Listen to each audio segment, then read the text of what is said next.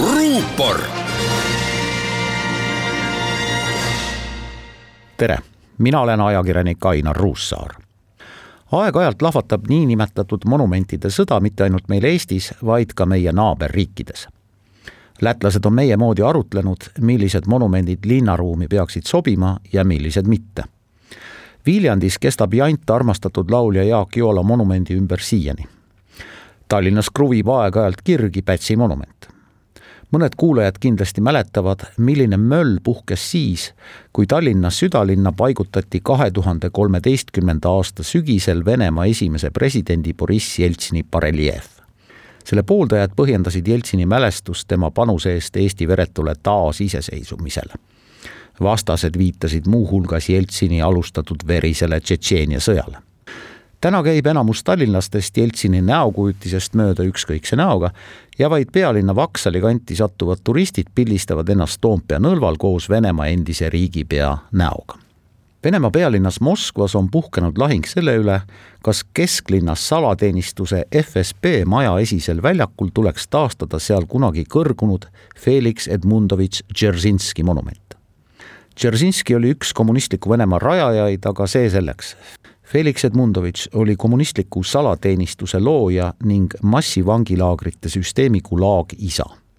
nii nagu võib teda ajaloos nimetada NKVD, KGB ja ka tänase FSB isaks. kindlasti oli ta veriste kätega mees.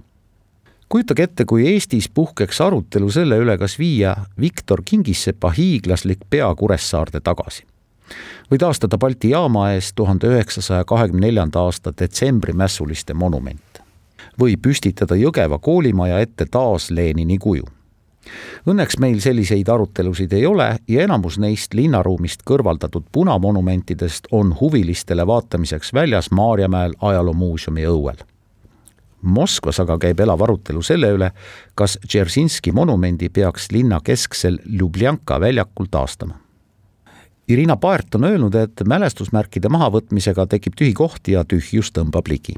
Kivist Dzeržinski, kõhetu vana bolševik, kes oli vajunud mõttesse revolutsiooni saatuse üle, ilmus Moskva kesklinna tuhande üheksasaja viiekümne kaheksandal aastal. üheksakümne esimese aasta kahekümne teise augusti riigipöördekatse järel teisaldasid Moskva võimud selle ausamba ja ennetasid nõnda rahvamassi soovi see hävitada lõivuna lootusele, et reformid on pöördumatud viie aasta eest käis Moskva linnavalitsus välja idee, et oma järeleandmatusega tuntud Raudne Felix võiks taas kunagise piinakambrina tuntud salateenistuse peakorteri esisel väljakul kõrguda sõltumatu uuringukeskuse Levada viimane küsitlus näitab, et enam kui pooled Moskva elanikud toetavad seda mõtet. Nende põhjendused on ilmselt mõjutatud paljuski Kremli kontrollitud kanalite ideoloogiast, mille kohaselt on Dzeržinski läinud ajalukku varaste ja korruptantide halastamatu püüdjana minevikku ei tohi hävitada ja ajalugu tuleb mäletada, väidavad nad. monumendi taaspüstitamise pooldajad on selle küsitluse järgi vanemad inimesed ja peamiselt praeguse presidendi Vladimir Putini toetajad. monumendi taaspüstitamise vastased on nooremad pealinlased, kes kasutavad aktiivselt internetti ja soovivad linnaruumis näha politiseerimata monumente Moskva linnavõim on oma ammuse idee elluviimiseks nüüd vajaliku toetuse kokku saanud ennustan, et kui raudse Felixi kuju kerkib taas Moskva kesklinna, alustab Kreml kampaaniat nimetada Volga-äärne Volgograd taas Stalingradiks.